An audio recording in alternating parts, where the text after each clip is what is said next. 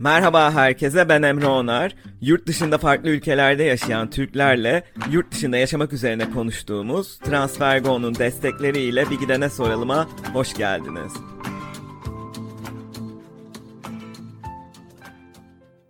Transfergo uygun kur ve düşük gönderim ücretiyle çok hızlı hatta aynı gün içinde uluslararası para transferi yapabileceğiniz bir mobil uygulama. Üstelik TransferGo'yu kullanmaya başlayan her arkadaşınız için 22 euro ödül kazanabilirsiniz. Bu bölümde tekrardan İngiltere'deyiz ve Hamide Tekin Karakaya konuğum. 3,5 sene Almanya, 3 senedir de İngiltere'de yaşayan Hamide ile İngiltere ile Almanya'yı çarpıştırıp kıyasladığımız bir bölüm olacak. Bakalım göç etmek için tercih edilen bu iki ülkeden hangisi hangi açılardan daha iyi?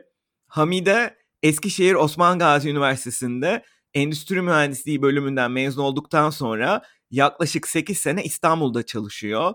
Daha sonrasında 2017'de fintech alanındaki işiyle Münih'e taşınıyor ve 2020'de de Londra'ya taşınarak sigorta alanında faaliyet gösteren bir şirkette şimdi direktör olarak çalışıyor. Ayrıca kendisi de kurumsal hayatın yanı sıra bir içerik üreticisi. Gezgin Kız London ismiyle Instagram'da içeriklerini üretmeye devam ediyor ve aynı zamanda kendi podcast'i de var. Sen sormadan ben söyleyeyim podcast serisini düzenliyor ve sunuyor. Kesinlikle bu bölümü dinledikten sonra Hamide'nin Sen Sormadan Ben Söyleyeyim podcast serisine de kulak verin derim. Ee, merhaba Hamide, hoş geldin. Merhaba Emre, hoş buldum. Valla çok güzel tanıttın. Böyle ağzım kulaklarımda dinledim seni. Çok teşekkürler. Rica ederim. Valla özellikle bölüm öncesinde de konuşuyorduk Hamide ile. Kendim gibi bir yandan kurumsal hayatta debelenen, bir yandan içerik üretmekten de vazgeçmeyen kişilerle tanışınca çok hoşuma gidiyor. Çünkü ne denir deli delinin halinden anlarmış mı? Gerçekten kolay bir şey değil ikisini birden yönetmek. O yüzden Hamide ile biraz dertleştik. Aynen öyle. Böyle valla ben direkt e, konuya her zaman olduğu gibi en başa dönerek başlamak istiyorum. Yani 8 yıl kadar uzun bir süre İstanbul'da çalışmışsın aslında. Öncesinde Eskişehir'de öğrencilik. Yurt dışında yaşamak hep aklında olan bir şey miydi? 2017'deki Almanya'ya taşıma sürecin nasıl gelişti? Şimdi ben senin diğer konuklarından çok farklı bir şey söyleyeceğim herhalde burada. Çünkü yurt dışında yaşamak hiç aklımda yoktu. Sıfır yani. Böyle herkesi dinliyorum şimdi sana konuk olan. Ee, özellikle mesela Kopenhag'ı anlatan arkadaşı en son dinledim. Böyle ne kadar dedik hani gideceğim Danimarka'da yaşayacağım böyle motivasyonuyla yıllarını geçirmiş. Benimki hiç öyle değildi. Ben e, Eskişehir'de doğdum, büyüdüm, yaşadım. Üniversiteden mezun oldum 21 yaşında. O zamana kadar İstanbul'a bile hani iş görüşmeleri haricinde hiç gitmemiştim. Bildiğin Anadolu çocuğu hani hiç şehrinden dışarı çıkmamış ve dışarı çıkmaya da ihtiyaç duymamış e, bir yaşamım vardı. Sonra tabii bütün iş imkanları İstanbul'da olunca e, ben de orada büyük bir bankada uzman yardımcısı olarak iş buldum. Oraya taşındım ve böyle nasıl bir dünya dedim ya İstanbul. Eskişehir'den sonra devasa bir yer. Ve dediğin gibi 8 yıla yakın e, o bankada çalıştım. Ve hiç yurt dışına hevesli değildim. Hiç böyle aklımda yurt dışında yaşamak yoktu. Ee, küçük hayatımda inanılmaz mutluydum. Çalıştığım, yaptığım işi çok seviyordum. Çalıştığım kurumu çok seviyordum. Çok güzel arkadaşlıklarım ve çevrem vardı. Ne diye böyle yurt dışında yaşayayım ki diyordum. Bir de e, böyle 2009-2017 arasından bahsediyoruz. Türkiye'de güzeldi o zamanlar. İstanbul'u hatırlarsan o zaman hani dışarı çıktığında Taksim'de hani gece Asmalı Mescid'e gidip eğlenmek, işte Doğru. Bebek'te yürüyüş yapmak. Yani çok keyifliydi İstanbul o zaman. Parasını kazanan genç bir kadın arkadaşlarıyla güzel hayatını yaşıyor idi. O yüzden çok böyle bir ihtiyaç duymamıştım. Ee, ve aklımda da yoktu. Ben hayatımda ilk kez yurt dışına 2013 yılında çıktım. Bundan 10 yıl önce. Düşün yani 10 yıl önce 25 yaşındayken ilk kez yurt dışına çıktım. İş amaçlıydı. Çalıştığım şirkette, şirketin Almanya'da da, bankanın Almanya'da da bankası vardı. Ee, onun için çıktım. İlk o zaman pasaport aldım. Düşün yani. Ee, ve Almanya Frankfurt'a gittim. Burası ne ya dedim ya. Burada yaşanır Ne kadar sıkıcı bir yer falan dedim yani. Benim annem Almanya hayranıdır. Ee, böyle evet Almanya yani şey bayağı çok hayrandır. Yıllardır çocukluktan beri Eee, hem kendisi gitmek ister hem de bana böyle "Keşke gitsen oralara." falan derdi. Akrabanız falan var mıydı orada? Evet, evet. Annemin çok yakın arkadaşı Almanya'da yaşıyordu. Hani bu gurbetçiler var ya 60'larda 70'lerde giden.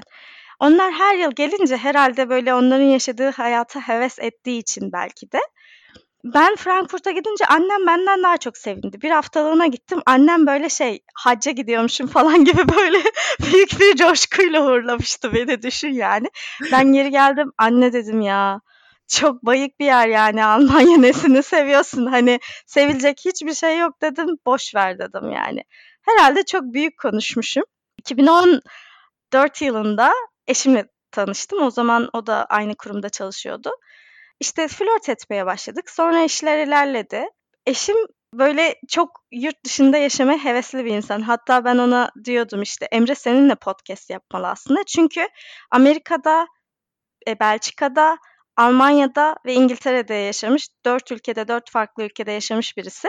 O yüzden hatta dedim yani benden ziyade seni ayrıca konuk alması lazım Emre'nin dedim. Neyse biz tanıştık. Sonra bana dedi ki işte zaman ilerledikçe iş aradığın ya iş arıyor yurt dışında. Yurt dışında yaşamak istediğini söyledi ama şey değil. Hani Türkiye'den kaçıp kurtulayım anlamında değil. Kariyerini e, yurt dışında kariyer edinmek için iş arıyordu. Başvurular yapıyordu. Avrupa'ya başvuru yapıyordu. Ülke fark etmeksizin. E, sonra 2015 2015 yılında Münih'ten bir şirketten iş teklifi aldı. Amerikan bir şirketten. E, ve 2015'te taşındı. E, taşınırken de bana dedi hani ben gidiyorum hani benimle gelmek ister misin? Hani yoksa hani gelmek istemezsen yollarımız ayrılacak. Ee, ben de dedim ki tabii ki gelmek isterim. Ama şöyle tabii hani hemen tasımı tarağımı toplayıp gitmedim. Biz o zaman daha nişanlı değiliz, evli değiliz, hiçbir şey değiliz. Ee, sonra biz bir buçuk yıl uzak mesafe ilişkisi yürüttük. Bir yandan da ben iş aramaya başladım Münih'te. Çok zor bir süreçti. Bir buçuk yıl boyunca çılgınca iş başvurusu yapıyorum. Ben iş sürekli business continuity alanında çalışıyordum çalıştığım şirkette Türkiye'de. O konuda da bayağı uzmanım. Hala da o işi yapıyorum zaten. Dünyada böyle çok kabul gören bir şey e, alan. Hani biraz ona güvenerek iş arıyordum ben böyle hani bulurum falan diye ama beklediğimizden uzun sürdü. Çünkü Almanya'da e, belki ilerleyen zamanlarda konuşuruz hani dil faktörü çok önemli bir faktör olduğu için benim de hiç Almancam olmadığı için biraz sıkıntılı geçti ama sonrasında yaklaşık böyle bir 16 ay sonra falan ben de iş buldum. İş bulunca da biz evlendik. Sonrasında da ben kendi üzerimden vizeyle yani onun kendi vizesi vardı. Kendi kendine sponsoruydu. Ben de kendi kendime sponsoru olarak Münih'e taşındım 2017 yılında. Vay harika. Annen artık nasıl evrene enerji gönderdiyse Almanya hayranlığıyla o senin Frankfurt'a ilk iş seyahati. Bu arada yurt dışına ilk çıktığın ülkenin de Almanya olması, sonra taşındığın ülkenin de Almanya olması. Bence burada annenin katkısı büyük. Ve Münih aslında Frankfurt'tan daha güzel bir şehir e, taşınmak için gibi geliyor. Ben ikisine de turistik olarak gitme şansım olmuştu. Frankfurt biraz daha iş merkezi gibi olduğu için biraz daha o soğuk Almanya izlenimini izlenimime en azından benim izlenimime e, uyuyor. Münih biraz daha farklı gibi. Bilmiyorum. Senin nasıl deneyimin oldu taşındıktan sonra? Taşınırken tereddütlerin var mıydı? Nasıl çıktı Münih yoksa Frankfurt'taki deneyimine benzer bir şehir deneyimi mi vardı orada? Nasıl gelişti taşındıktan sonra? Münih çok güzel. Ben hani e, Selçuk ilk taşındığı zaman o bir buçuk yıllık süre içinde tabii zi- ziyaret ettim Münih'i turist olarak. Onun yanına gittim. Çok güzel bir şehir. Çok seviyoruz biz. ikimiz de Münih'e aşığız yani. O yüzden hani şehirle ilgili fikrim vardı zaten taşındığımda. Ee, ve hani onu ziyarete gittiğim için hafif böyle şey de oluyordu. Ee, hafif orada yaşıyormuşum hissine de ediniyordum. Ee, ama yaşamaya başladıktan sonra tabii daha farklı oluyor. Yani sen de burada yaşıyorsun, biliyorsun. Yani turist olarak gelmekle yaşamak farklı şeyler. benim Münih'teki deneyimim güzeldi. Çünkü şanslıydım sanırım. Yani çalıştığım şirket uluslararası bir şirketti. Eee, işe başladığımız gün 30 30 kişi aynı anda işe başlamıştı. Sonra da çok hızlı battık zaten. Wirecard diye bir şirket. Eee, Netflix'te belgeseli var. Açıp izleyebilirsiniz. Adı Büyük bir skandalla Wirecard. Okay. Eee, büyük bir skandalla, yani gerçekten Almanya tarihinin en büyük finansal skandalını imza atarak, eee, iflas etti şirket. Eee, merak edenler olursa açıp izlesinler Wirecard'ın belgeselini. Eee, ama o o dönemde inanılmaz prestijli, inanılmaz yükselen değeri olan bir şirketti. O şirkette ben de Business Continuity Manager olarak işe alınmıştım. 30 kişi işe başladı ben işe başladığım gün. Dolayısıyla, hani, böyle büyük bir induction day oldu ve o gün, eee, tanıştığım 4-5 arkadaşımla biz çok yakın arkadaş olduk. Bir tanesi Çinliydi, bir tanesi Arnavut'tu. Arnavutluk'tan geliyordu. Bir tanesi Almandı ve İranlı arkadaşım vardı. Biz böyle o kadar yakın arkadaş olduk ki. Hem yeni taşınmışsın, böyle 1 hafta önce taşınmıştım, işe başlamıştım. Bir arkadaş grubun oluyor.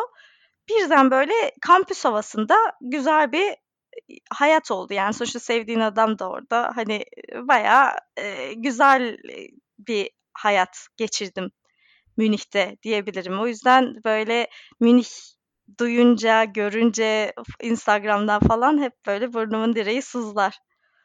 E, sonrasında İngiltere'ye geliyorsunuz. Aslında 3,5 yılda Münih'te kalıyorsunuz uzun bir süre. Sonra 2020 ekim, eylül-ekim gibi Londra macerası başlıyor. O nasıl gelişti? O da aslında komik Emre. Şöyle, şimdi Selçuk benden 1,5 yıl önce işte taşınmıştı Münih'e hatırlarsan. Yani o 3,5 yıl yaşadı orada. Sonra biz Münih'te yaşadığımız dönemde 2019'un sonlarına doğru bir te şey, böyle gene bir şey oldu bu. Hani ne derler? Kıpırdanmaya başladı acaba bir yerlere gitsem mi diye. Şu an çalıştığı şirket seninle konuşmuştuk. Uluslararası bir organizasyon. O şirketlerde hep çalışmayı istemiş bu ve orada bir pozisyon açıldı. Bu da dedi ki ya bir başvurayım ne olacak bakalım görelim. Hani ben de dedim ki iyi başvur hani sonuçta hep çalışmak istediği bir yer ama hani diyorum herhalde bilmiyorum olur mu bugüne kadar başvurduğu pozisyonlar olmamış falan. Sonra birinci mülakata çağırdılar, ikinci mülakata çağırdılar falan derken Selçuk'a iş teklifi geldi şeyden İngiltere'den. Biz böyle o zaman evleneli 1,5 yıl olmuştu. Münih'te o 3,5 yıldır yaşıyordu. Ben 1,5 yıldır yaşıyordum. Sonra gene bir taşınma, Allah'ım gene mi gideceğiz falan olduk. Yani biz yeni bir araya gelmiştik. Tekrar bir ayrılma şeyi oldu. Neyse Selçuk 2019'un başında İngiltere'ye taşındı. Ben hala Almanya'daydım. Eee, ve biz söylediğin 2020 a ekim tarihine kadar birimiz Almanya'da, birimiz İngiltere'de yaşayarak hayatımızı devam ettirdik. Ha, sonra sen de İngiltere'de iş bulunca mı taşındın? Aynen öyle. Şimdi onun çalıştığı şirkette deneme süresi 1 yıldı. Eee, şeyi göze alamadık biz. Şimdi 1 yılın sonunda eğer olmazsa, hani bir şekilde o ya da şirket birbirinden ka karşılıklı memnun kalmazsa, eğer ben de taşınırsam onunla Avrupa'da çalışma iznimizi Blue Card diye bir kart var. Avrupa'da çalışma iznimizi kaybedecektik. Dolayısıyla biz stratejik düşünerek dedik ki 1 yıl farklı ülkelerde yaşayalım. Yani 2019-2020 arasında 2 ayrı ülkede yaşayalım. Ben Avrupa'da çalışma iznini elinde tutayım. Çünkü ben kendim sponsorla gelmiştim. Ona bağlı değildim. O da İngiltere'den çalışma izni olan insandı. Dolayısıyla biz böyle ben Business Continuity Manager'ım diyorum ya, hani böyle işlerin sürekliliğini, eee, yöneten birisiyim. Biz böyle, eee, uzak mesafe ilişkisi yaşadık. Sonra 2020'nin başında deneme süresini geçtiği zaman dedik ki hadi artık ben iş aramaya başlayayım.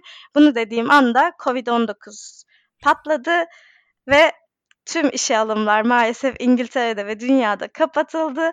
Eee, bizim 1 yılcak 1 yıl sürecek, eee, uzak mesafe evliliğimiz, eee, 1,5 yıla çıktı hatta daha fazlasına çıktı. Eee, ama yılmadım ben tabii ki.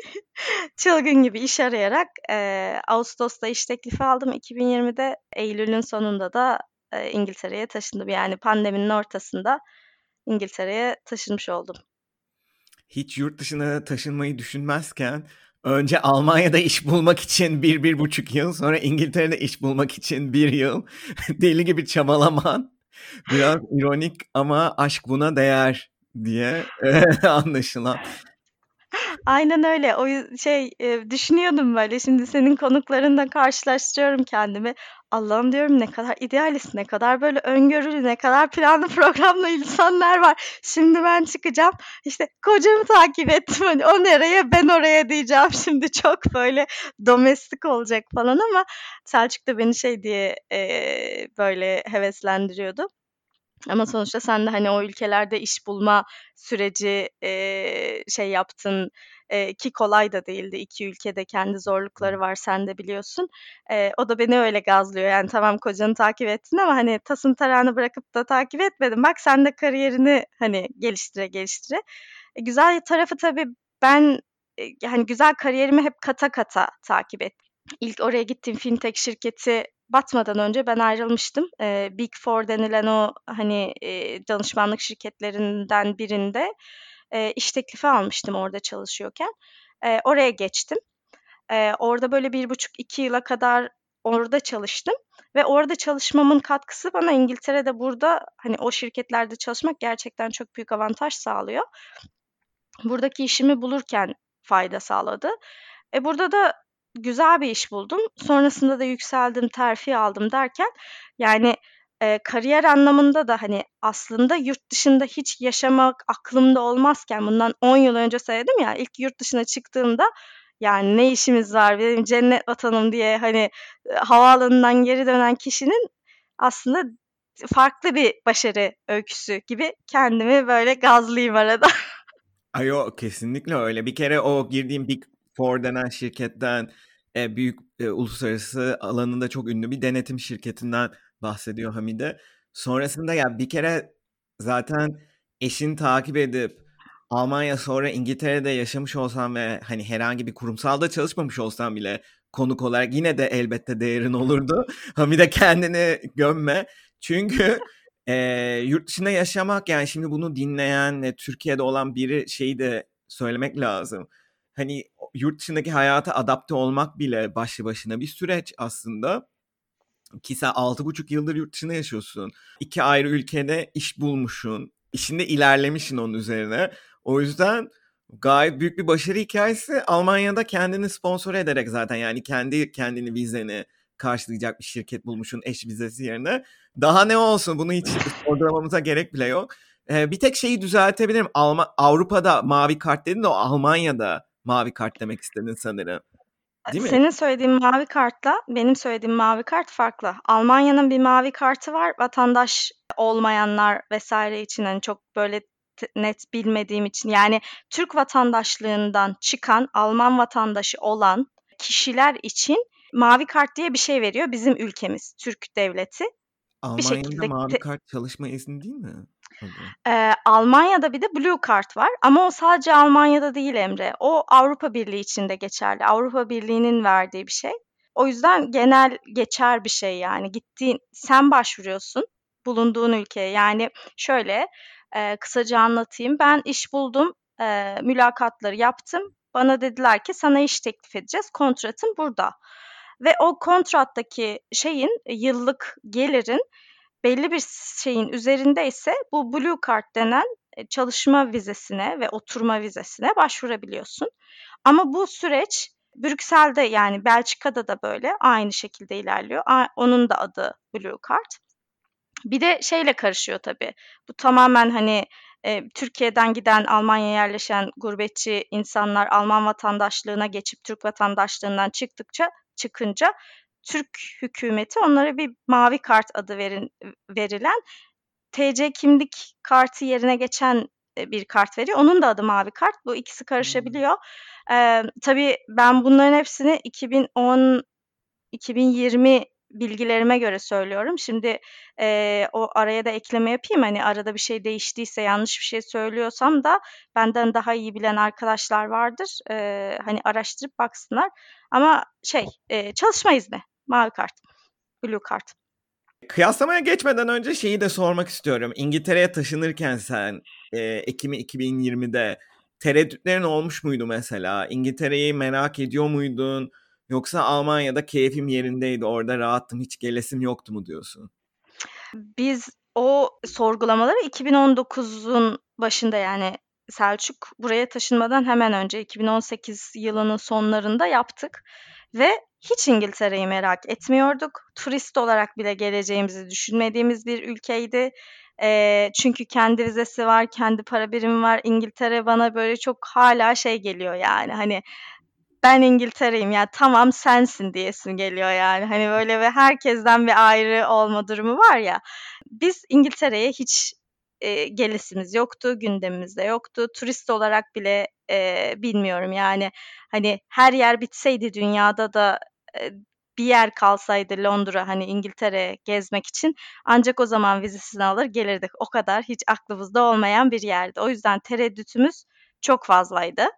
Biz böyle Selçuk'a iş teklifi geldiğinde bir tablo yaptık. İki ülkenin böyle karşılaştırmasını yaptık. Yani her şey koyduk böyle atıyorum. Ulaşım, dil, eğitim, sağlık, e, trafik, e, vergi, e, yaşam pahalılığı gibi böyle sütunlar koyduk. Her birine, her ülkeye yani aslında Londra ve Münih'e puanlar verdik bu kategorilere göre.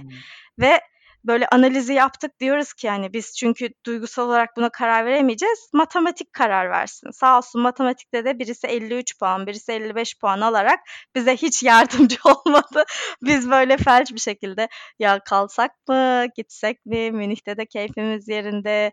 Ee, çok seviyoruz burayı ama işte İngiltere'nin de kendi artıları var. Karşılaştırma yap konusuna geçtiğimizde anlatırım oraları. E, ama lafın kısası, uzun lafın kısası çok büyük te- tereddütlerimiz vardı. Hiç aklımızda olmayan bir yerde gerçekten. Hiç turist olarak bile merak etmediğimiz bir yere e, taşındık. Allah Allah çok ilginç. Yani puanlama e, ve kıyaslama yaparak bayağı detaylı çalışmışsınız. Bilmiyorum o bölümü dinlemiş miydin ama ilk sezonda 8. bölümde Baybars Zeynep Umur çifti vardı. Konuk almıştım onları. Onlar da Hollanda ve İngiltere arası SWOT analizi yapıp öyle Ankara Anlaşması'na başvurmaya karar vermişlerdi. Onlara da zamanında bayağı şaşırmıştım. Sen de e, 53-55 puan bayağı merak ettim. E, hangisi hangi alanlarda öne geçti. Bir yandan İngiltere'de Almanya'da bence göç etmek için e, Türkler tarafından en çok tercih edilen ülkelerin başında geliyor. Üçüncü sıraya da belki Hollanda'ya koyarım Avrupa için. Bence bir yandan taşınması da en kolay nispeten ülkeler. Hani ikisinde de daha çok ilan çıkıyor. İngilizce bilerek de Almanya'da bir şekilde iş bulabiliyorsunuz sadece hani Almanca bilmeden falan derken. Neyse ikisinde de yaşamış biri olarak sana sözü bırakacağım. Baştan başlayalım genel yaşam şartları açısından. Sence Almanya ile İngiltere arasında ne açıdan farklar var? Böyle genel yaşama şartlarını düşünürsek. Benimki biraz daha Londra-Münih kıyası gibi olacak Hı-hı. aslında. Çünkü Almanya'da sadece Münih'te yaşadım. Almanya'nın başka şehirlerinde başka durumlar olduğunu biliyorum. Almanya'da çok büyük bir ülke. İngiltere'de keza yani Londra için e, benim konuşacağım şeyler biraz gömeceğim çünkü. E, şey e, ne bileyim Manchester için ya da Brighton için e, aynı şekilde olmayabilir. Hatta Londra'nın böyle şehir dışında kalan kısımları için de aynı olmayabilir. Bir de bir şeyi belirtmek lazım belki. Almanya bence Avrupa'daki birçok ülkeden daha farklı. Hani genelde bir ülkenin başkenti olur. İş imkanları orada toparlanır genelde. Ee, ya da iki şehir olsun. Almanya hiç öyle bir yer değil. Yani sen de demin de dediğin gibi hani Münih var, Köln, Düsseldorf, e, Stuttgart, Hamburg, Berlin ve unuttuğum daha onlarca şehir. E, İngiltere'de de yine nispeten Londra ve çevresinde toparlanmış gibi. İlla Manchester'da da iş bulabilirsiniz ya da hani Inverness'ten bile konuk aldım İskoçya'da ama e, ağırlıklı Londra'dan ibaret bir ülke gibi aslında İngiltere'de. Neyse, e, evet o yüzden bunu bu da aslında ana farklardan biri aslında başlamadan önce ikisini kıyaslamayı. Evet. Kesinlikle. Ee, şimdi ikisinin arasında Londra Münih arasında yaşam tarzı ya da yaşamın rahatlığı anlamında Münih kesinlikle çok daha rahattı. Bunu Münih'ten dinleyicilerin eminim vardır ve katılacaklardır mı da. Ee, Münih yaşaması çok kolay bir şehir. Hatta şey diyorlar ya Bavyera eyaletinde çok büyük bir köy diyorlar.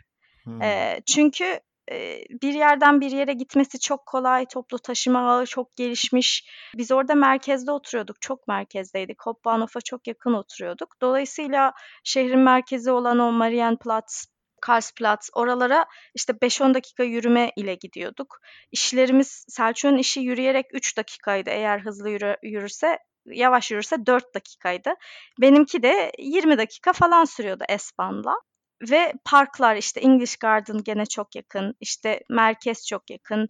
Çok fazla işte göl var, park var, orman var. işte hiking yapmak istiyorsan onları yapabileceğin yer var. Piknik yapmak isteyeceksen onu yapabileceğin yer var. Kayak yapmak istiyorsan e, kışın onu yapabileceğin çok yer var. E, İtalya çok yakın, e, kendi göllerinin yanı sıra yani hemen araba kiralayıp İtalya'ya gidebilirsin. Avusturya'ya yakın, başka diğer ülkeler de çok yakın. E, o yüzden böyle biz bunları karşılaştırdığımızda yani en güzel yer Avrupa'da aslında yaşanacak böyle Münih gibi çıkıyordu ve biz çok seviyorduk. Hayat işte çok güvenli bir yer Münih. Yani kesinlikle böyle çok gecenin bir yarısı çok rahat dışarıda gezebileceğin, kimsenin seni rahatsız etmeyeceği bir yer, e, insanların birbirine saygılı olduğu bir yer, kurallara inanılmaz uyulan bir yer. Almanya genel olarak böyle ama bence Münih'te daha da böyle bir sıkılar o anlamda ve bu bir güven duygusu da getiriyor. Yani biliyorsun insanlar kuralları e, çiğnemeyecekler ve çiğnerlerse bununla ilgili cezalandırılacaklar. Hani göz ardı etme durumu yok etrafta polis yok ama kimse mesela kırmızı ışıkta geçmez. Hiç kimse. Yani yaya kırmızı ışıkta asla geçmez. Gecenin bir yarısı ben biliyorum böyle gece birde eve dönüyorum. Kırmızı ışık yanıyor ve duruyorum yani. Mesela İngiltere'de sen şimdi biliyorsun Londra'da kırmızıymış bilmem neymiş yani herkes geçer eder falan böyle ona mesela kendime adjust etmem çok zaman almıştı. Sonra buraya geldiğimde de Londra'ya çok adjust etmem zaman almıştı. Bir tek ben bekliyordum böyle kırmızı ışıkta. Evet Londra'da garip bir şekilde İngilizler artık başka kültürlerin etkisiyle mi asimile mi oldular yoksa onların kendi halleri mi böyle diye düşünüyorum ben de. Yani kırmızı yanıyor ve araç geliyor diyelim. O araç gelmeden falan atlayıp geçiyorlar. Hani İstanbul'la yarışır derecede. Hani hiç sıfır hani Avrupa'dır kural vardır düzen vardır. Hiç yok o konuda çok ilginç. Evet. Aynen öyle. Ya sonuç olarak e, şey sağlık anlamında çok iyi, eğitim anlamında da çok iyi. Bizim çocuğumuz yok. O yani o zaman da yoktu zaten. Ama çocuklu arkadaşlarımdan biliyorum hani eğitim e, ücretsiz Hani ve çok kaliteli bir eğitim var yani öyle ücretsiz deyip böyle sallapati bir eğitim verilmiyor. Eee, sağlık anlamında çok iyiler. Çok güzel bir sosyal devlet var, eee, Almanya'da. O anlamda, hani, yaşamın rahatlığı anlamında, hani, en çok puanı alan, eee, yer Münih'ti. Eee, madem Almanya bu kadar yüksek puan aldı genel yaşam konusunda, eksiye düştüğü noktalar neydi? çünkü başa baş gelmişler. Maalesef e, orada yaşadığın ikinci sınıf vatandaş duygusu. Hmm. Irkçılık aslında. Hani hatta gizli ırkçılık diyeceğim yani. Hani açık açık ırkçılık günümüzde artık hiçbir yerde çok fazla yapılmıyor yani. Hani şimdi vardır desem. Gerçi Güney Kıbrıs bölümünü dinledim yani. Orayı es geçiyorum ama hani açık açık ırkçılık yapılan yerler pek kalmadı. Ama yani Almanlar Türkleri çok sevmiyorlar. Hani bunu sosyal medyada da pek paylaşmıyor arkadaşlar. Onlara da hak veriyorum. Şöyle hak veriyorum. Şimdi yurt dışına gidip bir yaşam kuruyorsun. Bütün arkadaşlarına, eşine, dostuna diyorsun ki ben artık oraya taşınıyorum. İşte ne şekilde taşınırsan taşın. Hayatımı orada kuracağım. Şimdi oraya gidip bir şeylerin kötü olduğunu insan çok paylaşısı gelmeyebiliyor. Çünkü biraz yenilgi gibi görülüyor. Türkiye'deki insanlar tarafından. Çünkü bak hani düzenini bozdun gittin oraya bak gördün mü hani başına neler geldi gibi herkes olmasa da bazı çevrelerden böyle bir e, yorum gelebiliyor. O yüzden bizim gibi yurt dışında yaşayan insanlar e, hani kol kırılır yerin içinde kalır yapıyorlar biraz. Yurt dışında başına gelen tatsız şeyleri anlatmıyorlar. Eee, bunun için hani kimseyi eleştirmiyorum. Ben de burada mesela burada yaşarken tatsız şeyler başıma gelmiyor mu? Geliyor. Yani oturup da her gün onu canlı yayın açıp anlatmıyorum. Ha, anlatılması gerekecek şeyler varsa anlatıyorum tabii de.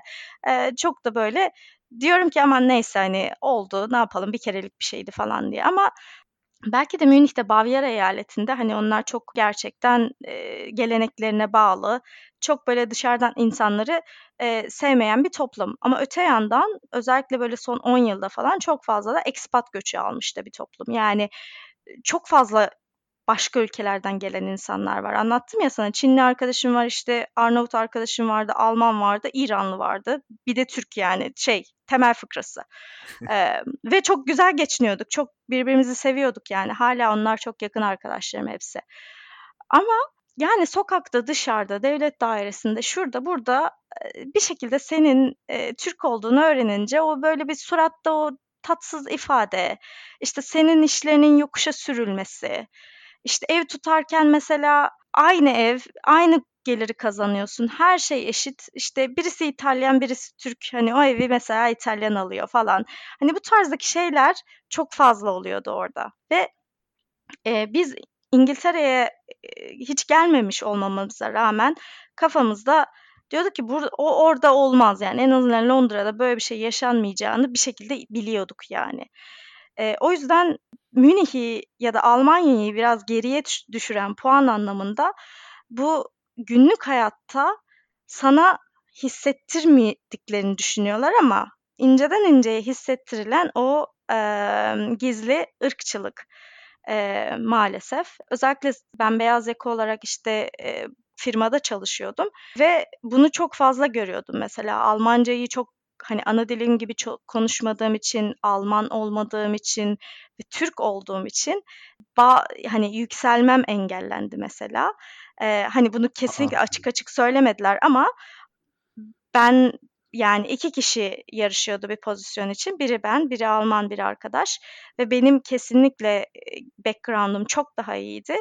Emm, diğer arkadaşı mesela yükselttiler. Tabii ki bunu ben sorduğumda hani sen Türksün diye yükselttik demediler ama başka bana söyledikleri sebep o kadar böyle sudan bir sebepti ki ben dedim o zaman tamam yani hani demek ki burası benim için doğru bir yer değil. Yani ben Almanya'da kalmaya devam etseydim de mesela o kurum benim için doğru bir kurum değildi diyebilirim.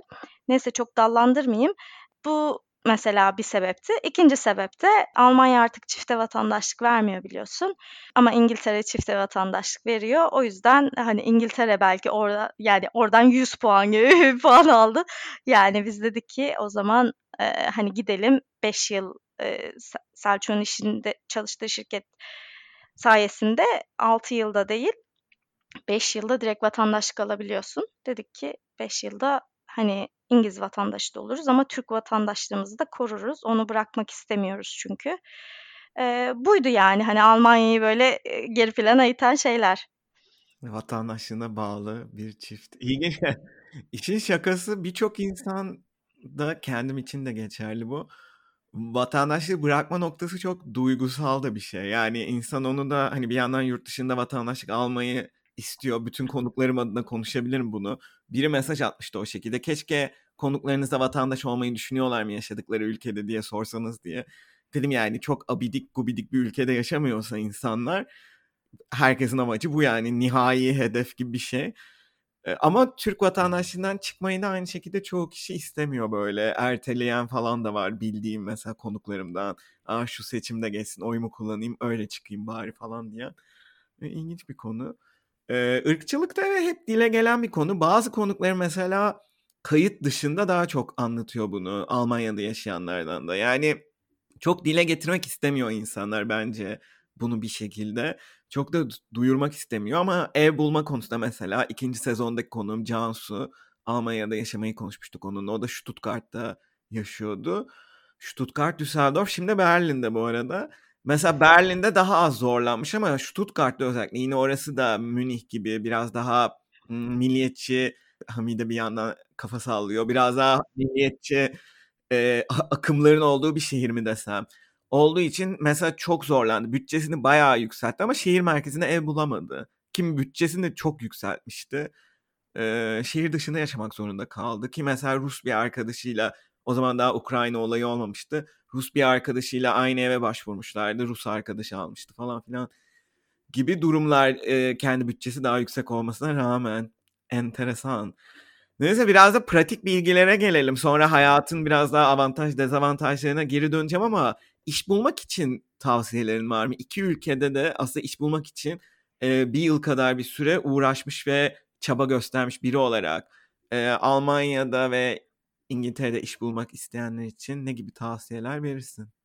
Kolay değil. Bir kere öncelikle onu söyleyeyim yani. Çünkü birinin bunu söylemesi gerekiyor ki senin konukların yani kimi dinlesem çok şey hayatları var yani böyle tırmalaya tırmalaya böyle bir yerlere gelmişler. Ee, kariyerlerini böyle kimsenin altın tepsiyle sunulmamış e, işleri. E, o yüzden e, dinleyicilerin bunun farkındadır eminim ama bir kez de ben tekrar edeyim. Hiç öyle kolay olmuyor maalesef.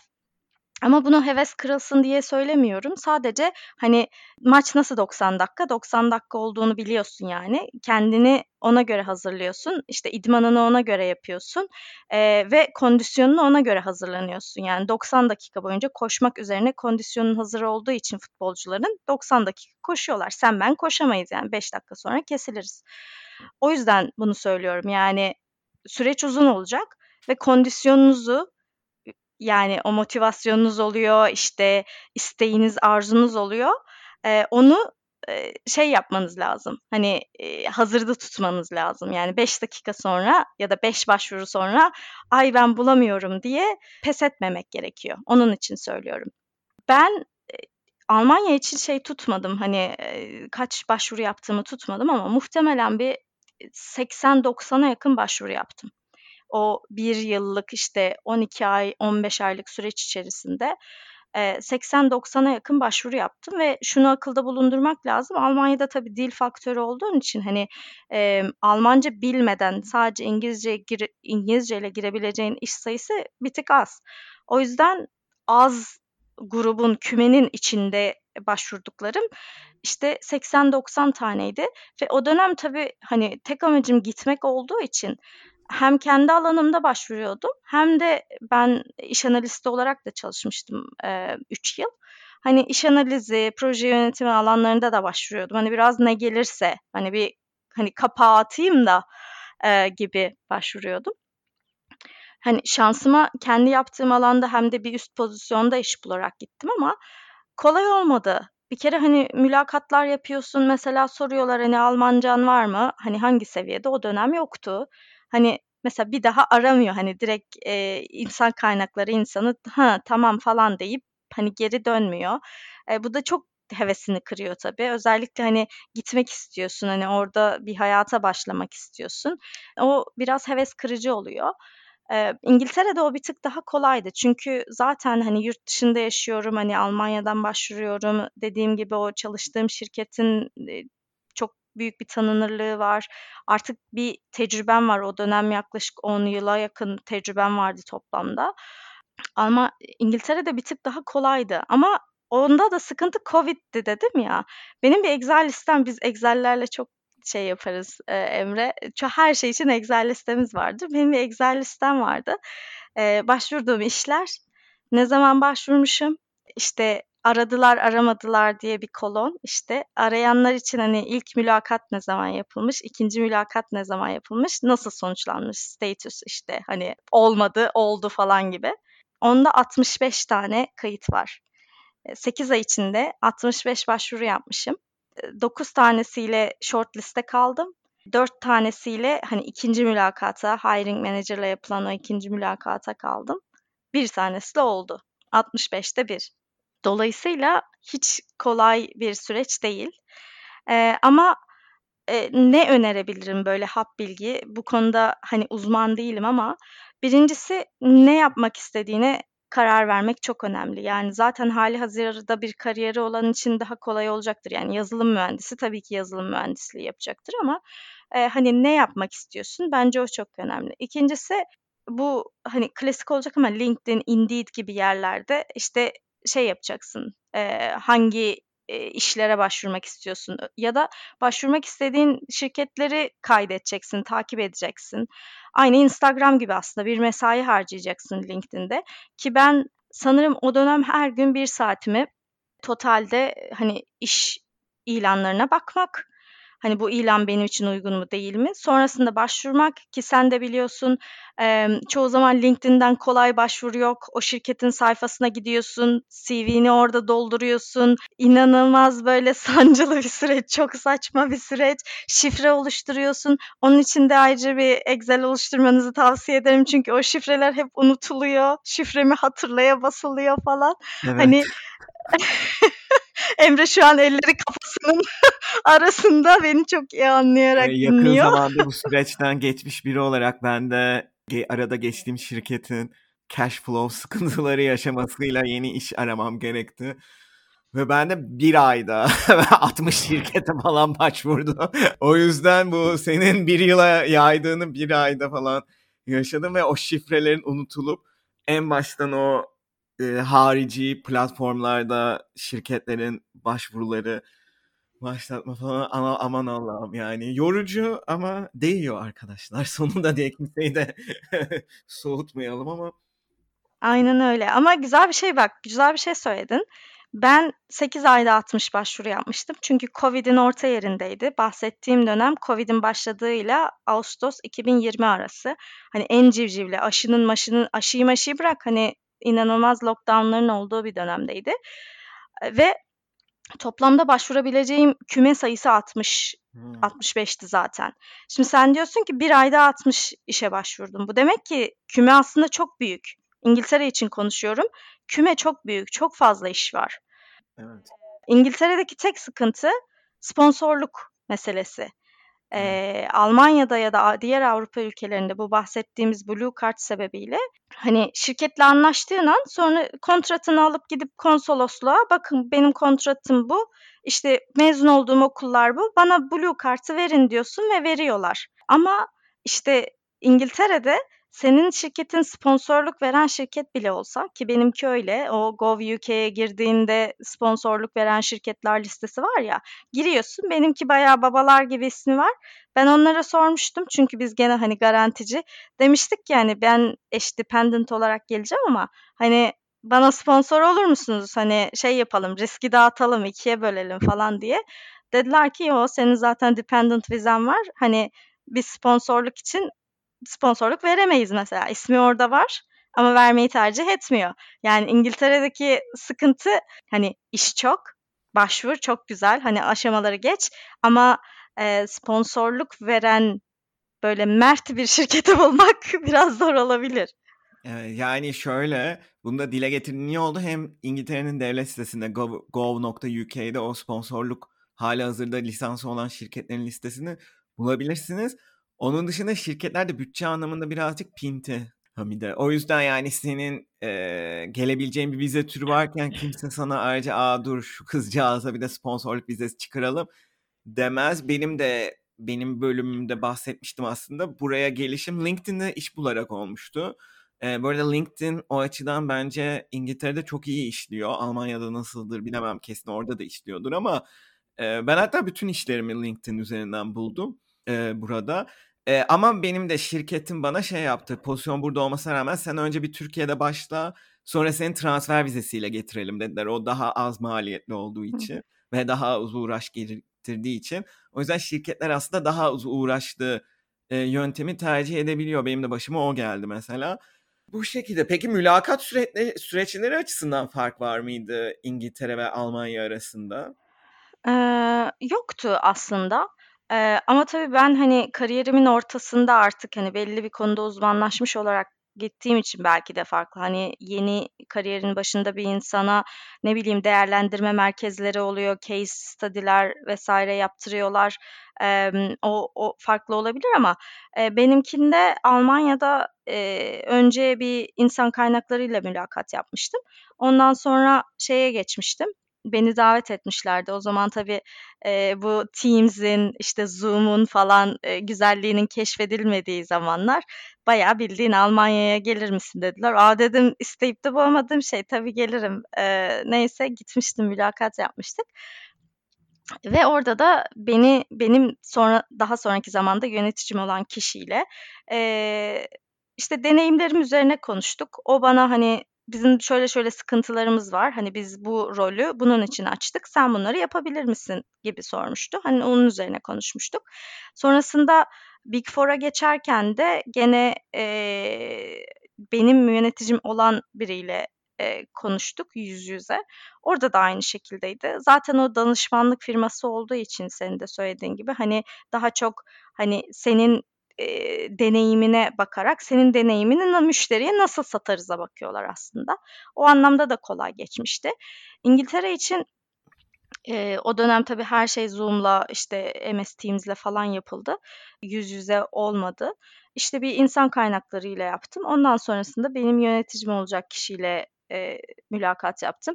Aynı şekilde bana e, genelde hani bizim şu şekilde eksiklerimiz var. E, bu rol bunun için açıldı. Hani bunları yapabilir misin diye sordular. Genel olarak işte şey soruları almadım mesela. Hani zor bir durumda karşılaştığında nasıl çözersin? Team player mısın? Hani o tarzdaki soruları Allah'tan sormadılar. Ama şimdi başkalarından duyuyorum mesela eşiminki girerken daha zorlu süreçlerden geçmişti. Onun için hani e, mülakat daha aşamalıydı. Bu zeka testi gibi bir test gönderiyorlar. Mesela onu çözmüştü. insan kaynaklarıyla yapılan bir şey olmuştu. Sonra böyle case study tarzı diye bir mülakat türü de yapmıştı. En sonunda işte direktörüyle bir yüz yüze olmuştu. Bayağı bir olmuştu yani. Bence o biraz şirketten şirkete değişen bir şey. O yüzden benim verdiğim bilgi her şirket için geçerli olacak diye bir şey yok. Ama genel olarak eğer bir konunun uzmanıysanız onun çevresinde ilerliyor. Yani sizin o konuyu gerçekten bilip bilmediğinizi sorguluyor iş yerleri ki ben de şu an alım yapıyorum. Hani benim de ekibim var. İşte e, zaman zaman pozisyon açılıyor. Ben de mülakat yapıyorum. Tam olarak işte aynı şeyleri soruyorum adaylara. Hani burada CV'nde bunları bunları yazmışsın. Hani gerçekten bunları yapmış mısın? Ekibe nasıl katkın olur? E, gibi şeyler. Peki iki ülkedeki iş kültürü sence ne açılardan farklı? Ofis hayatı. Ba bayağı farklı aslında. Soruları gönderdiğinde şey yapmıştım böyle, "A!" dedim ya, çok güzel bir soru yani. Eee, çünkü Almanlar çok klasik olacak ama disiplinliler, böyle dakikler, eee, ve çok direktler. Eee, böyle bir şey yanlış varsa direkt mesela sana söylüyor ve insanların içinde de söyleyebiliyor. Hani hiç lafı dolandırmıyor. Böyle hani azıcık kibar mı olsaydınız falan diyorsun mesela. Emm, hani toplantı yani 9'sa 9'da geliyor ya da işte 8.59'da orada oluyor, bağlanıyor. Çok böyle lafı uzatmıyorlar Emre. Hani İngiltere ile kıyaslayacağım ya da biraz da Türkiye ile kıyaslayabilirim aslında. Hani üçünde de uzun yıllar çalıştığım için. Biz böyle başlarız. E nasıl işte özellikle İngiltere'de e hafta sonun nasıl geçti? İşte neler yaptın? İşte hava da çok iyi değil mi? falan dedikten sonra geçilir muhabbete. Önce bir olayla ilgili şey verilir. Bakın geçen toplantıda bunu konuşmuştuk, bunlar olacaktı falan. Toplantının 15 dakikası böyle yenir zaten. Geri kalan 15 dakikada işte ne konuşuluyorsa böyle şeyler yok. Hani direkt güm güm güm hani gündem maddeleri neler, işte kim ne yapacak, tamam hadi yapalım gibiydi. Bu hani prof, profesyonel anlamda iş hayatından bahsediyorum ama öte yandan işte iş hayatındaki sosyalleşme açısından mesela Almanya çok daha iyiydi. Benim böyle iyi arkadaşlarım da vardı dediğim gibi. Hani hadi bir kahve içelim, işte hadi gelin bir yürüyüş yapalım.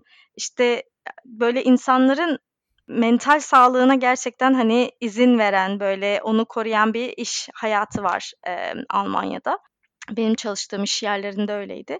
İngiltere'de ise profos, profesyonel anlamda dediğim gibi şeyler. Hani biraz daha ye ye ye ye yapalım. Hani çok da hani sıkıştırmaya gerek yok. Bir de şey politikler sen de biliyorsundur. Evet. Hani böyle ne şiş yansın ne kebap.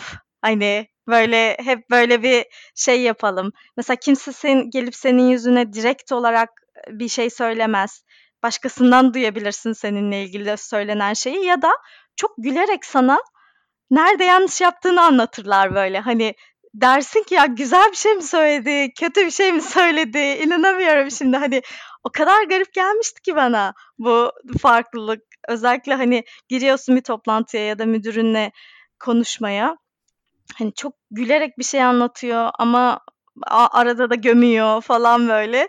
O anlamda aşırı farklı geldi bana. Kendimi böyle şey yapamadım, ayarlayamadım. Hatta ben ilk zamanlarda toplantıya girdiğimde bu Alman şeyini çok sürdürüyordum. İşte geç kalana çıkışıyordum mesela hani bir dakika geçti neredesin falan diye böyle bir dakika ya da işte hiç daha hoşbeş yapmadan işte bunlar bizim şeylerimiz bunları yapacağız falan diye herkes bir şok yani ne oluyoruz Nazi kampı mı burası falan gibi.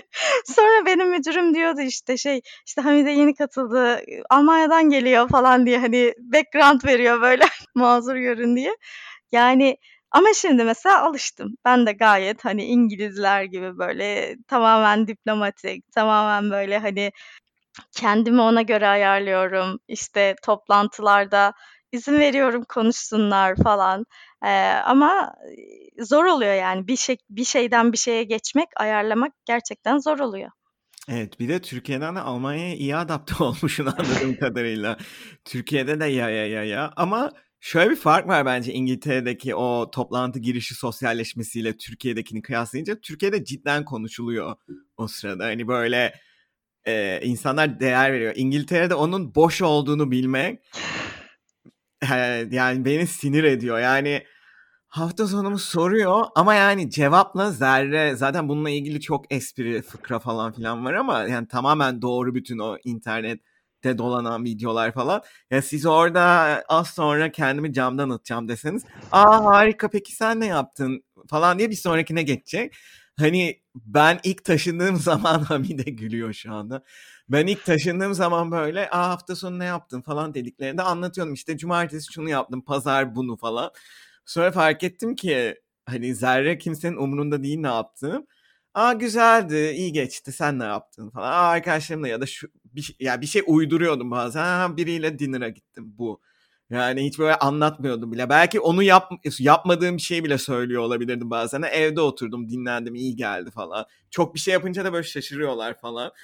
o kadar doğru ki ben burada e, hani koridorda yürü, yürürken sordukları şey var ya, you're right. Hani bunu soruyorlar ya. Ben böyle ciddi ciddi durup koridorda aa iyiyim sen nasılsın falan diye cevap veriyordum ve adam git, gitmiş yani hani mesela birbirimizi geçiyoruz böyle. Ve ben ilk zamanlar ya ne kadar büyük kabalık falan diyordum. Çünkü ben dönüyorum. Aa I'm fine how are you diyorum. Adam gitmiş. Sonra dönüyor falan çünkü onunla konuştuğumu anlıyor. Hani iyiyim ben de falan hani öyle bir bakıyor ki sen bana sordun az önce falan. Ya ben bunu o kadar çok yaşadım ki sonra sordum yani İngilizce. Neden böyle yapıyorsun? Yani buna cevap vermeli miyim, vermemeli miyim? Bana söyleyin yani. Ondan sonra öğrendim ki senin dediğin o Reels'lardan, işte sosyal medyadan, şeylerden.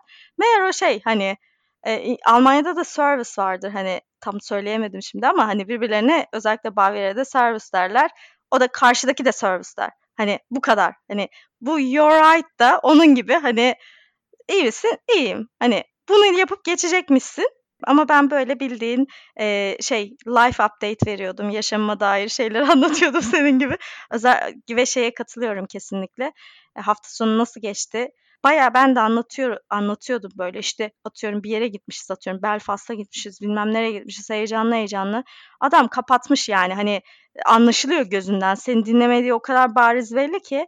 Sonra böyle aynı senin gibi işte güzel bir hafta sonuydu. Hava çok güzeldi parka gittik falan. Hani o kadar genel tutuyorum ki. Ama bu üzücü biliyor musun? Yani belki de biz be Türk olduğumuz için mi?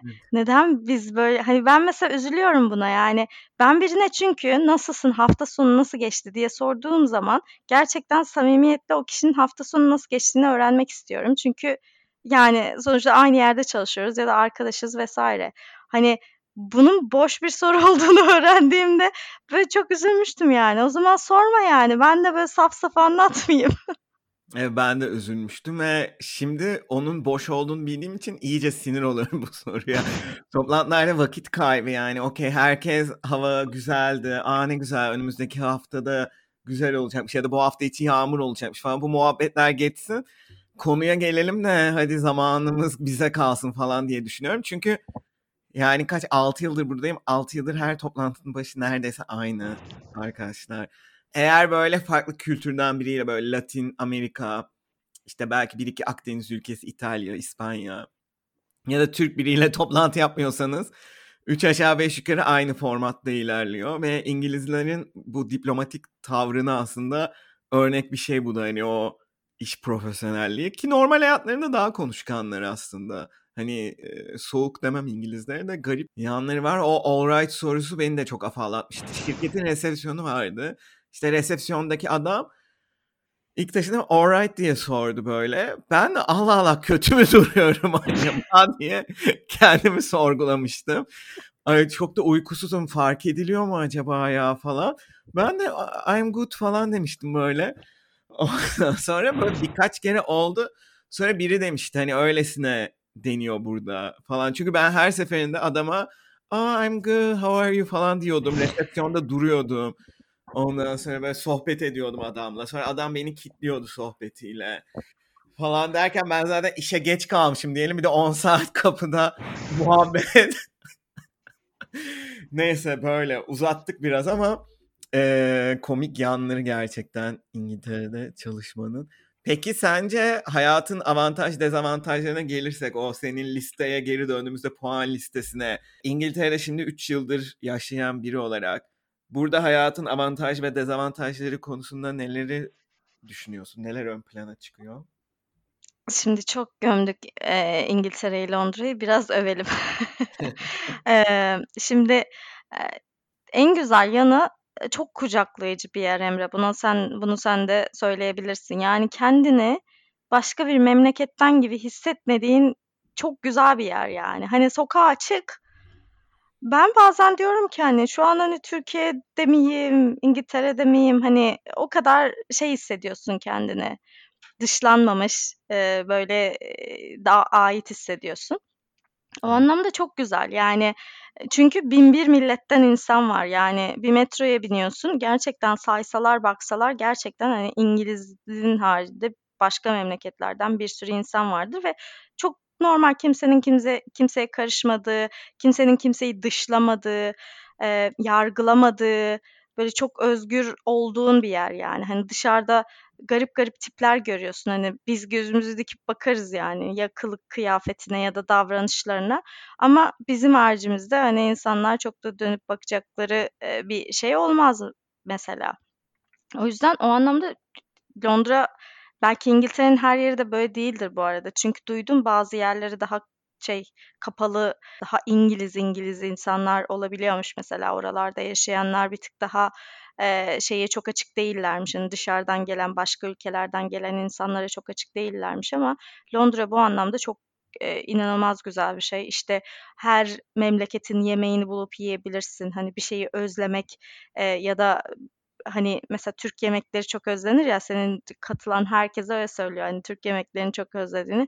Burada güzel Türk yemeği çok kolaylıkla bulabilirsin, yiyebilirsin yani. Ya da Türk marketine gidip bir şeyleri alabilirsin. Bu Almanya'da da vardı gerçi ama e, ya da işte bir Hint yemeği yiyeceğim diye e, gidip istediğini yiyebilirsin ki senin hesabına sen çok yapıyorsun onları farklı farklı ülke e, mutfaklarını e, bulup tadabilirsin yani. Farklı ülkelerden insanlarla bir araya gelebilirsin, tanışabilirsin, ufkunu genişletebilirsin. Aktivite inanılmaz fazla. Yani Münih'te şöyleydi. Birkaç tane festival falan olurdu işte. Hani Oktoberfest'in haricinde hani bir tane bahar festivali olurdu. Arada bir street fest olurdu. Ee, ama onun haricinde hani gidelim göle, gölün kıyısında işte hiking yapalım ya da işte piknik yapalım falan gibi aktiviteler. Ama burada yani bazen karar veremiyorsun. Ne yapsam? Müzikale de gitmek istiyorum ama işte şöyle de bir event varmış. Konserler zaten akıl alamayacak kadar çok fazla. İşte bir tane bar var mutlaka denemeliyiz. Yani bitmiyor, yetmiyor yani.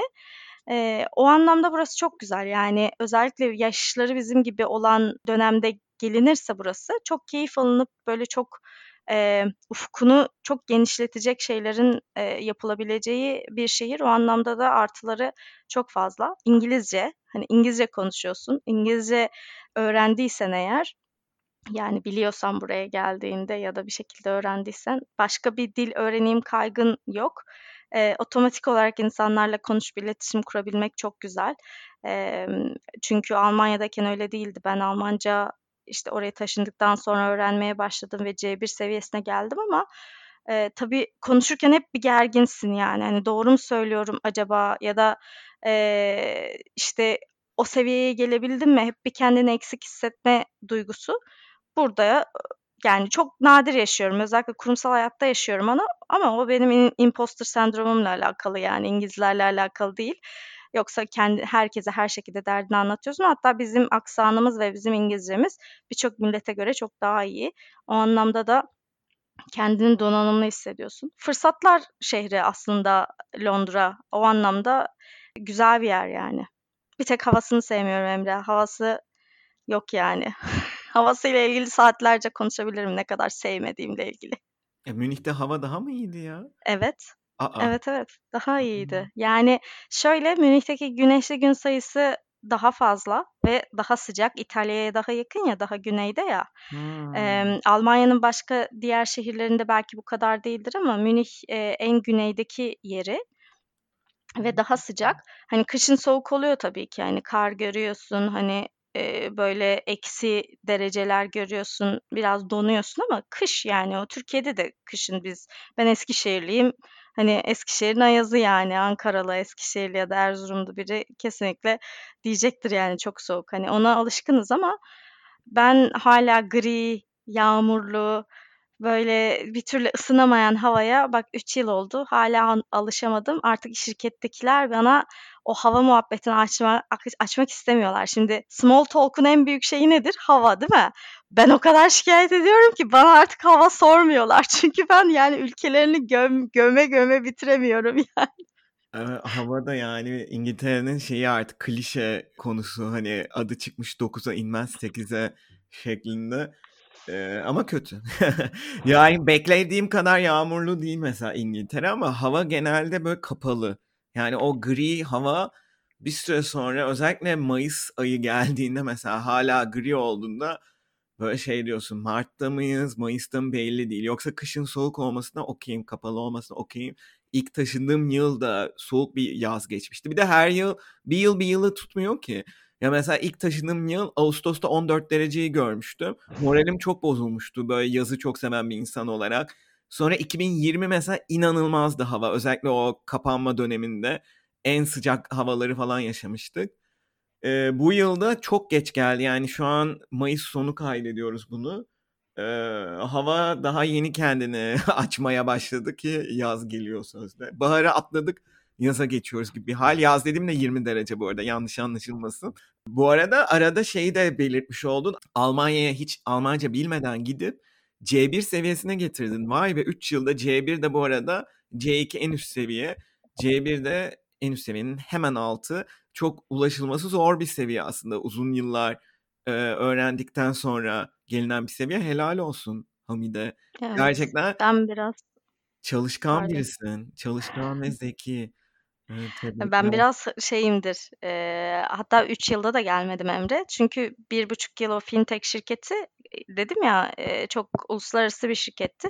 Şirkette Alman yoktu neredeyse yani çok az yani şirketin %70'i falan başka ülkelerden gelen insanlardan oluşuyordu. Dili İngilizceydi. 1,5 yıl kesinlikle Almanca öğrenmeden, öğrenmeye ihtiyaç duymadan böyle A1, A2 arasında gezerek, eee, geçirdim yani.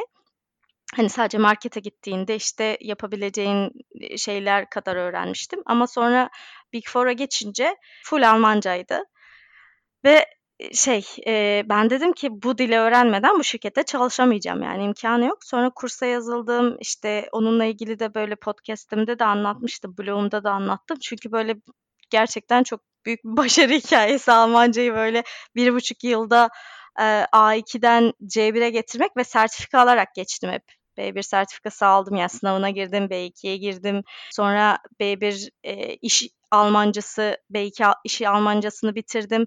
C1'e başladım. Hatta buraya geldim, pandemide geldim dedim ya, bir 4-5 ay daha buradayken kurslara online katılmaya devam ettim. Hâlâ C1 kurslarını alıyordum falan. Yani 1,5 yılda dedim ki Alman Almanca ya sen kazanacaksın ya ben kazanacağım. Böyle, eee, şey yaptım, evet, eee, zor oldu. Emm, ilk başta hiç sevmiyordum ama öğrendikçe, eee, sevmeye başladım. Bir de dil sonuçta, hani, gerçekten bir dil bir insan, iki dil iki insan. Emm, onun kıymetli olduğunu, bana günün birinde bir şekilde benim işime yarayacağını düşünerek hep, eee, kendimi motive etmeye çalıştım. Şimdi maalesef biraz biraz unutuyorum. Hani, her ne kadar böyle kitap okumaya çalışsam da Almanca, işte, eee, dergiler, makaleler okusam da, dizi izlesem de bir şekilde gidiyor maalesef. Eee, ama bakalım. Eee, ne yazık ki İngilizce haricindeki dillerde yani dizi izlemeye falan zorlamanız gerekiyor kendini. İşte altyazıyı ya da dublajı Almanca ya da o öğrendiğiniz hangi dilse onu yapıp falan ama İngilizceye maruz kaldığımız kadar çok diğer dillere maruz kalmadığımız için yani eski usul dergi, gazete okumak falan da pek artık kalmadığından işte kitap okumaya anca zaman ayırıyoruz falan derken insan işte bir de Almanca mı okuyacağım şimdi? En azından ben mesela öyle diyorum. Kendi Almancamı unutmamak için. Ee, ama şey bağlam da vereyim başarının açısından. Ya mesela Avusturya Lisesi'nde hazırlık okuyorsun. Üzerine 4 yıl Almanca lise okuduktan sonra işte bütün dersler Almanca falan C2 ile mezun oluyorsun. O yüzden senin bir buçuk yılda C1'e gelmen hani dinleyenlerin ve bu seviyeleri bilmeyenlere bağlam sağlaması açısından bunu söyleyeyim çok büyük başarı. Valla tebrik ederim. Teşekkürler. Peki Almanya'da o zaman hayat avantajları, dezavantajlarını onu da bir özetleyelim. Eee, Almanya'da orada işte hayatın herhalde böyle daha yavaş, daha sakin, daha, eee, telaşsız olmasıydı en büyük avantaj. Çünkü Londra'da biliyorsun yani çok fazla insan var, kaos. Hani, eee, ben Central Line'ı kullanıyorum. Eee, günde iki kere böyle, hani, inanılmaz böyle yorucu bir sürü insana maruz kalıyorsun falan. Eee, trafik dersen trafiğe de ma yani zaten, araç kullanamıyorsun ama, eee, şehrin içinde. Hadi diyelim bir yerden bir yere gittin, o o da böyle yorucu oluyor. Emm, yani Londra'da hayat yorucu ama Münih'te öyle değil. Münih'te hayat daha yavaş akıyor, daha huzurlu oluyorsun o zaman. Ben buraya gel yani şöyle söyleyebilirim aslında izleyicilerin için. Emm, İstanbul'la Londra birbirine çok benziyor yaşama anlamında. Yani tamamen fırsatlar, aktiviteler, işte her şey var, her şeyi tecrübe edebilirsin.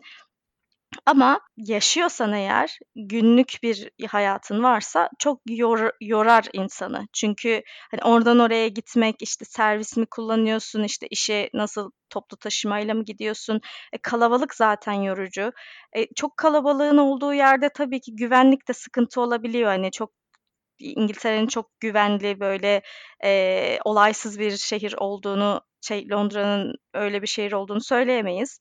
Bunların tam tersiydi Münih. O yüzden onun avantajı çok büyüktü. Daha böyle huzurlu bir hayatın oluyor. Daha böyle kafan daha rahat oluyor. Evine geldiğinde o yükle gelmiyorsun, negatif yükle gelmiyorsun yani.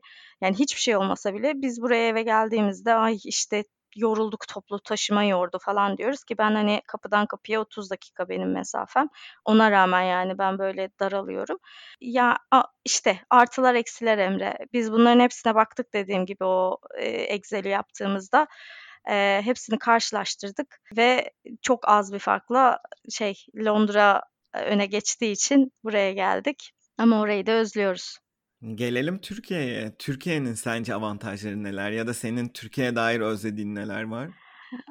Türkiye'ye dair özlediğim şeyler aile. İşte aile ve arkadaşlarımı özlüyorum. Hani sıklıkla da gitmeye çalışıyorum aslında. Biz yılda 3-4 kez gidiyoruz. Hani bu çok da şey hani görülen bir şey değildir aslında. İkimiz de biraz ailemize bağlı e, kişileriz. E, fırsat buldukça gitmeye çalışıyoruz. Öyle olunca hani o özlemi aslında giderebiliyorsun. Hani telefonlar falan da şey oluyor ama hani oradayken mesela böyle ya güzel bak burada hayat işte arkadaşlarımız da burada falan diye.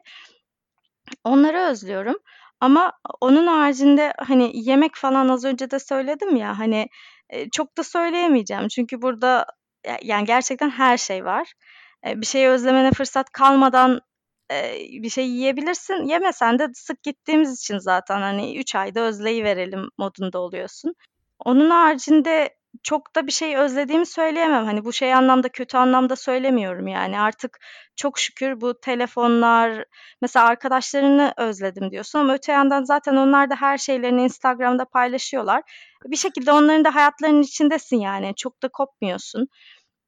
Ya da işte orada dönen maalesef kendimizi tamamen koparamadığımız için işte gündemdir, her, her şeyin içindesin yani. Evet. Hani Türkiye'den kendini çok fazla soyutlayamadığın için aslında çok da e, özleyecek bir duruma girmiyorum ama biz şanslıyız. Biz hani kolayca gidebilecek yerlerde yaşıyoruz. İşte sen de buradasın. İşte Avrupa'da yaşayanlar da öyle. Hemen bir ucuz biletle e, kolayca Türkiye'ye gidip hafta sonu bile e, gidip gelebilirsin yani. E, o yüzden bizim için daha daha kabul edilebilir, katlanılabilir bir gurbet burası. Ee, ona katılıyorum. Türkiye'ye yakın olmak, hatta Amerika'dan buraya taşınmış e, konuklarımdan yana geçen biriyle konuşuyordum. Ya da ikisi birden. Onların mesela söylediği şey İngiltere'yi tercih etmelerinin nedeni Avrupa'ya, e, Türkiye'ye daha yakın olmaktı. Peki Türkiye'ye taşınmayı düşünüyor musunuz? Geri dönmeyi? Ee, Valla Türkiye'den önce Selçuk başka bir yerlere gider kesin. Bizi biliyorsun oradan oraya. Ama şaka bir yana e, sanırım biz döneriz gibi geliyor. Yani Selçuk'a bu soruyu Selçuk'a sorsan o net bir şekilde evet döneriz der. Ben sanırım diyorum. Ama yakın vadede öyle bir planımız yok Emre. Hani şimdi e, burada vatandaşlığı almamıza az kaldı. E, iki yıl kadar bir süre kaldı. Hani onu alırız. Ondan sonra da belki başka bir Avrupa ülkesine gideriz gene yaşamaya. Sonra seninle bir bölüm daha yaparız. O bu dört ülkeyi falan karşılaştırma bölümü yaparız seninle.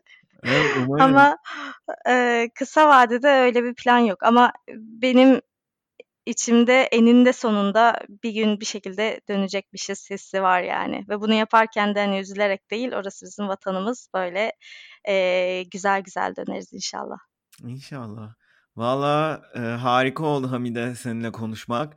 21 yaşında üniversiteden mezun olurken hiç yurt dışına taşınmayı düşünmeyen o genç kız şimdi toplam 15 yıllık kariyerinin 6-7 yılını yurt dışında devam ettiren ve direktör seviyesinde şimdi çalışan bir iş insanına dönüşmüş durumda. Nereden nereye inanılmaz. Aynen öyle. Ee, Valla çok teşekkürler vaktin için. Çok keyifli oldu seninle konuşmak. Ben teşekkür ediyorum davet ettiğin için. Bayağıdır planlıyordur, planlıyorduk ama öte yandan istiyordum da yani. E, çünkü senin podcast'ini senin başlamadan önce de söyledim. Yani böyle sıkı dinleyicisi, takipçisiyim.